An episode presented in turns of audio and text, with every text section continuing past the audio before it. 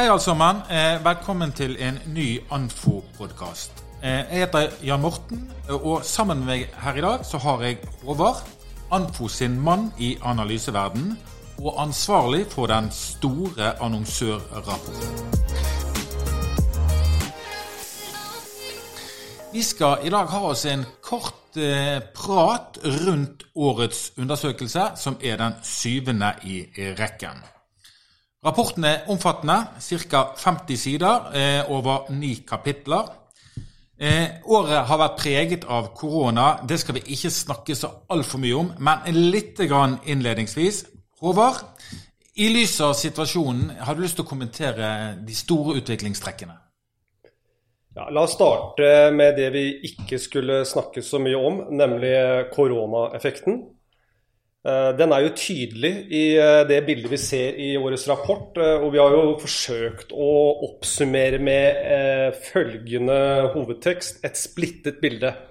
Og hvorfor bruker vi det uttrykket? Jo, fordi vi ser at det er en betydelig andel som vil kutte markedsbudsjettene sine framover. Og så ser vi også,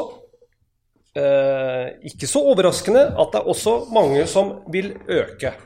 Så her har vi noen som da har tapt stort på denne pandemien som vi er midt inne i, og så er det noen som har uh, vunnet på den. Og Samtidig så vet vi jo at uh, mesteparten av det vi leser om i media, det går jo rundt de som egentlig sliter og de som taper på dette. Men vi vet jo fra andre undersøkelser at faktisk en relativt stor andel kommer relativt godt ut av dette. Er det riktig?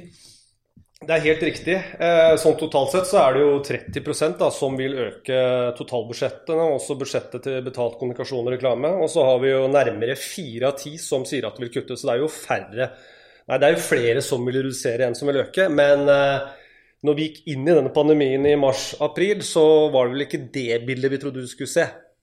Vi trodde ikke heller den skulle vare så lenge, da. Det skal sies. Men det er ikke noe sånn Det er jo litt sånn eh, Det er kanskje litt urettferdig å sitte her og snakke om eh, totaler, men vi må jo gjøre det hvis vi skal summe opp i, store, i det store bildet og de store strekene. Så blir det jo totalbildet. Og totalbildet ser sånn ut. Eh, og så er det da enkeltaktører som har blitt rammet hardt, og så er det enkeltaktører som det går veldig bra med. Um, og det er som Byron Sharp sier, altså at uh, supermarkeder og varehandel og, og sånn, det, de blir ikke prega av noe um, pandemi, de. Snarere tvert imot. Vi har jo handlet som aldri før. Uh, og det viser jo også makroøkonomiske tall som vi har fått inn de siste månedene. Yes. Nei, jeg lurer på om det skal være liksom den innledningen som har med korona å gjøre. Så får vi jo da bare krysse fingrene alle sammen og håpe at dette her går over. Det var jo litt sånn som du sa, vi trodde jo dette skulle være over etter påske. Det var det ikke. Så trodde vi at det skulle være over etter sommeren. Det var det heller ikke. Nå får vi iallfall satse på at vi kommer gjennom dette året, og at neste år blir et eh, nytt og godt år for oss alle. Eh, jeg har lyst til at vi skal gå videre til noen kapitler, og det er noen kapitler som jeg tror det kanskje er litt viktigere å snakke om. Eh, det ene heter eh, kapittel fire, og da snakker vi ganske mye om de store utfordringene vi har. Eh, og det er noen, det er noen paradokser her, bl.a. det som går på måling av effekter på tvers av kanaler. Dette med å sikre kontinuerlig læring. Og ikke minst dette med å vite hvilken effekt egentlig en del av disse nye kanalene har å bidra med. Det er helt riktig, Jan Morten. Uh, disse utfordringene er jo mye av de samme som har vært de senere åra. Men la oss ta tak i uh, holdt på å si, topplista her. Uh, annonsørene sier jo fortsatt at de sliter med den vanskelige balansen da, mellom kort sikt og lang sikt. Vi kjenner jo den der såkalte 60-40-fordelingen som vi har hørt om de siste årene fra Binet og vår venn Peter Field. Eh, som en av bransjens mest utbredte læresetningene. Men eh, tanken om kjappe slag på kassa synes jo da fortsatt svært, svært sterk i bransjen. Eh, seks av ti sliter med å balansere dette fokuset. Seks av ti syns det er utfordrende å finne balansen mellom salg og merkevarebygging i digitale kanaler. Så er det mulig vi har lagd en litt sånn falsk diktomi der, at dette er to helt ulike ting. Og det er det jo egentlig ikke. Disse går jo ofte hånd i hånd. Så det er mulig det er eh, også for mange kanskje en litt sånn falsk utfordring. Så har vi integrasjon på tvers, og det er ikke så rart at det er en eh, utfordring som ikke synes å bli noe mindre.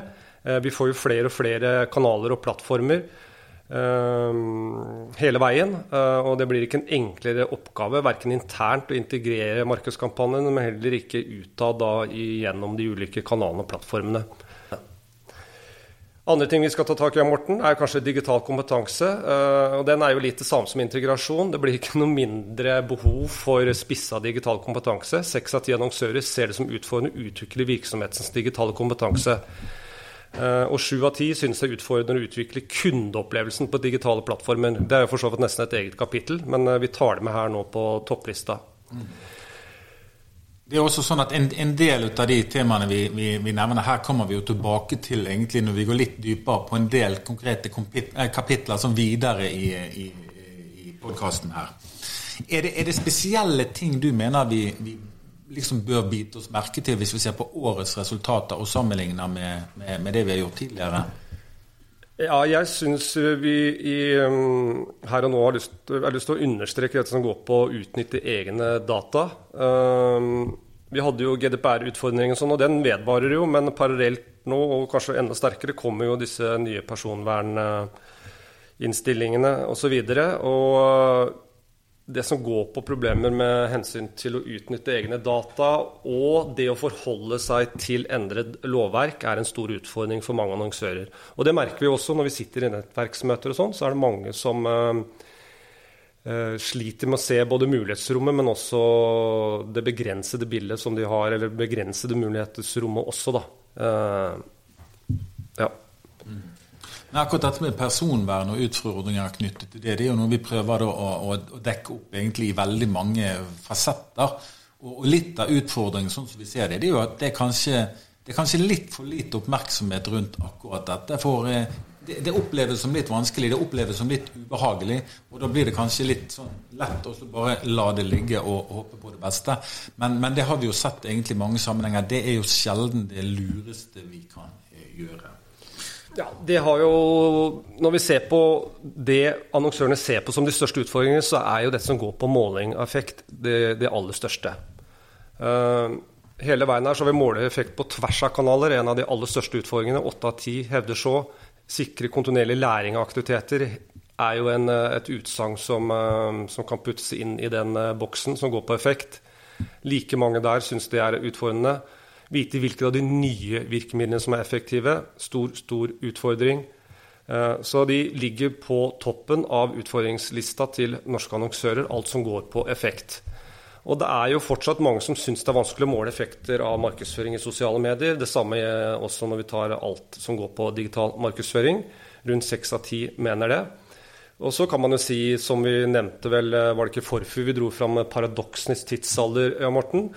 Uh, og det, det, det paradokset, det, det, holder stand, hvis vi skal si det på den måten. Uh, mange vil jo sikkert hevde at uh, vi har aldri hatt flere avanserte målemetoder. digital markedsføring skulle være utrolig enkelt å måle. Det har vist seg ikke å være tilfellet. Um, så nå sitter vi kanskje en litt sånn klemme akkurat på det punktet der. Og det er klart Når vi snakker om paradokser, så uh, dette er jo på mange måter paradoksenes paradoks. At vi ikke har kommet lenger egentlig enn at vi, at vi, fortsatt sliter egentlig med, med, med, noe som skulle vært såpass løsbart i en, uh, i en digital tidsalder. Ja. Og Så er det jo et litt sånn større bakteppe der også, hvis vi ser litt sånn større på dette her med, med mm, effekt sånn sett, altså hva, hva de største truslene mot effektiv markedsføring er så kan man jo si at uh, og det har jo en del nye undersøkelser vist her nå, som jeg har sett på, at folk er jo i økende grad lei av denne, alle, altså denne, denne reklamen som, som, omgir oss og er overalt. Uh, du har en clutter-effekt, altså reklametrykket kan synes å, å være for stort. Uh, og så har det blitt lettere å unngå reklame også. Uh, nå har ikke dette adblocking tatt helt av i Norge. Det er vel en større utfordring uh, ute i Europa og internasjonalt, ser vi.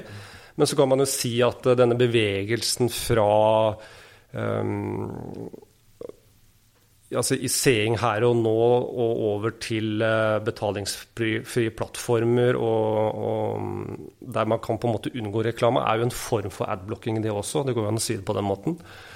Så, og så har vi det, det, denne kanskje også en grunnleggende utfordring er jo at det blir vanskeligere i en sånn svært svært fragmentert uh, medieverden å også oppnå høy dekning på kort tid. Da. Og det er det jo mange av våre medlemmer som er opptatt av, som driver med um, såkalte uh, hurtig omsettelige dagligvarer. Uh, der er man avhengig av høy dekning, og, og målgruppen er nokså brede. Ok, Da skal vi snakke litt om holdninger til norske og utenlandske medier. Eh, vi ser i undersøkelsen, og det har vi for så vidt også sett egentlig gang på gang, at annonsørene heier på norske medier. Eh, mange ser på Google og Facebook eh, sin sterke utvikling som litt sånn negativt. I alle fall i forhold til den norske mediefloraen som vi på mange måter ønsker å ha heiet på i veldig mange år. Håvard? Uh, ja, altså det, det, er mye av det samme bildet som vi har sett de to-tre siste åra. Det er over halvparten som er bekymra for uh, Google sin dominante posisjon, Facebook sin dominante posisjon. Og vi vet jo at uh, disse store mastodontene tar et stø stadig større jafs. Men det er jo gledelig da at annonsørene uh, iallfall for den norske presseflora, og um, ikke for å ta det strikken for langt her, men det norske demokrati, da, at man heier på norske medier. Ehm, det er eh, godt å vite, men eh, noen ganger så må man, lure jeg på liksom, hva er det annonsørene skal gjøre. De er jo Det de er opptatt av, er, er effekt og spredning osv. Og, så og der må også norske mediehus Jeg vet at de har våknet for lenge siden, men jeg tror du kanskje må være enda flinkere til å fremme da, den kvaliteten, altså den eksponeringskvaliteten som annonsørene sier er, er bra. Ehm, fremme dokumentasjon og effektmålinger. Eh, og vise seg tilliten verdig. Og så, har jeg lyst til å kaste ett tall ut. Og det er at 75% av de vi har snakket med, har betydelig større tillit til kvaliteten på eksponering i norske medier enn i utenlandske. Det må jo være et usedvanlig godt argument å ta med seg inn egentlig i en fremtid som vi vet er litt usikker. Men eh, vi kommer oss gjennom dette her òg, og så er det neste år som gjelder. Ja da, Vi vet jo at uh, Nå skulle ikke vi snakke så mye om korona nå, men uh, den har jo holdt på å si, hatt effekter på det ene og det andre. Også på mediehverdagen til norske folk. Og mediekonsum har jo økt voldsomt innenfor mange kanaler. Og vi merker jo en voldsom seerlyst og tittellyst også da når det gjelder norske medier. Så de har jo opplevd, mange av dem har jo opplevd en stor, stor vekst. Avslutningsvis så da er det jo kanskje naturlig å ta det siste kapittelet i rapporten. Morten. Og Det handler om um, organisering og samarbeidspartnere. Og alle vi som, um, ja, vi som har samboer og er gift, vi, uh, vi, vet jo at dette som går på partnerskap, det innebærer en del utfordringer. Og sånn er det også med annonsørene og dems forhold til sine byråer. Um, det som er litt sånn gjennomgående, sånn som jeg ser det, det er at uh, det har vært veldig mye skriverier om denne innholdsbølgen eh, nå eh, de siste årene. Men vi ser jo også en sterk vilje blant annonsørene til å søke ekstern hjelp innen en, egentlig en bred vifte av tjenester. Um, hva, hvordan er det du ser på det, Morten, det med det inhousing versus da tjenesteutsetting, sånn sett? Nei, men det er jo sånn som du sier, her, eh, Dette er også en, en, en gjenganger. Når, folk, eh, når, når, vi spør, så får vi svare egentlig at inhousing er egentlig et sentralt, eh, et sentralt svar. Og vi ser jo egentlig at ganske mange har gjort det. Og eller en måte å gjøre dette på, er jo faktisk å bli flinkere. og bli en flinkere kjøper og samarbeidspartner for de, for de partnerne du velger å, å bruke. Ja. En annen ting er at Norge er jo et lite land. Vi er 5,5 millioner mennesker. Eh, og vi, vi, skal jo, vi, skal jo, alltid bruke de kompetansemiljøene som vi, som vi, tror er de riktigste. Og for mange så vil jo det være å bruke eksterne partnere. For Vi ser jo også i den inhousingsbølgen og de diskusjonene som vi har vært med på, vi også, at dette med, med, med, med egen kompetanse og, og og, hvilke krav du skal kunne stille til de, til de, eh, kompetansemodellene du trenger egentlig internt, det er ikke alltid like lett egentlig å, å, å fylle disse, disse hull og disse gapene. Absolutt ikke. Uh, jeg syns liksom en sånn, om ikke konklusjon, så iallfall en sånn klar uh, tanke som vi ser gjennom uh, de svarene vi har fått, det er at det ser ut som annonsøren har funnet en bedre balanse mellom inhousing og det å søke ekstern hjelp. Det er langt færre nå som sier at de sliter med Eller syns det er utfordrende av hva de skal gjøre selv, og hva de skal bruke eksterne ressurser på. Eh, men så ser vi jo det og en del andre svar, da, spesielt når det kommer på digital kompetanse, at det er et voldsomt sånn eh, kompetansebehov. Og Da tror jeg det er veldig viktig for enhver eh, leder og, og ledergrupper også løfte fram kompetansen internt. Og noe som har kanskje har satt fart da på en sånn et sånt behov, det er jo da og Nå nevner vi korona igjen, men vi er nesten nødt til å gjøre det det er at, eh, og det får vi faktisk svar på også i rapporten, at eh, flere, nå, flere sier jo det at, eh, at altså koronapandemien har satt fart på altså De må gjøre rett og slett flere oppgaver internt. og Da blir det mer presserende da med riktig kompetanse, bedre arbeidsflyt, hvordan også utnytte det maks internt. da. Um, så det er jo flere krefter som eh, påvirker på samme tid her. Men jeg tror også den koronasituasjonen har satt fart da, på en sånn utvikling hvor uh, merkevarehuset da, er, blitt en attraktiv arbeidsplass. Og når man har den attraktiviteten, så må man på en måte um, man må måtte åpne opp armene og så, og så lage gode arbeidsmiljøer også internt. da. Det ser vi vel også i, i et par andre eh, temaer som vi dekker her. Og det går jo på dette med hvem er den viktigste samarbeidspartneren. Det er jo et spørsmål som har fått ganske mye sånn oppmerksomhet i media de siste årene. Har det vært reklamebyrået, eller har det vært eh, mediebyrået? Vi ser jo et svar som på mange måter er i ferd med å bygge seg opp som kanskje den, den, den tredje parten her, og det er jo den interne kollegaen. At hvis du ser et sånt fremtidsperspektiv, hvem vil være din viktigste strategiske samarbeidspartner om, om f.eks. tre år? så toner jo eh, interne kompetanseområder opp som en, som, en ganske, som en, ganske, sentral aktør, sammen med reklamebyrået og mediebyrået. Det er helt riktig. Uh, og Det skal bli spennende å se de, den utviklingen uh, videre. Um, om noen år så ser det jo nesten ut som, uh, hvis man ser tre år fram, at interne kompetanseområder og, og, avdelinger og spesialistavdelinger får en enda viktigere rolle enn eh, f.eks. reklamebyrå. Men det vil jo bare tiden vise. Det eh, tror jeg du har helt rett i. Jeg tror rett og slett vi skal gi oss nå. Vi har, eh, vi har vært gjennom noen highlights fra denne undersøkelsen. Undersøkelsen er tilgjengelig både som film på Anfo TV han er tilgjengelig som en PDF, og han er tilgjengelig på eh, godt eh, gammeldags analogt papir. Så det er fullt mulig egentlig å grave seg ned i rapporten. Eh, og ikke minst bruk han for det han er verdt. Vi vet at veldig mange viktige beslutninger der ute fattes på bakgrunn av innsikt som vi har fremskaffet i denne undersøkelsen. Det syns vi er fint, og vi skal gjøre vårt for at disse undersøkelsene også i fremtiden kan bringe til torgs så relevant informasjon som vi ser at vi har klart eh, med denne rapporten. Hvert eneste år i løpet av de siste årene. Så eh, med det så tror jeg rett og slett vi bare skal avslutte og si takk for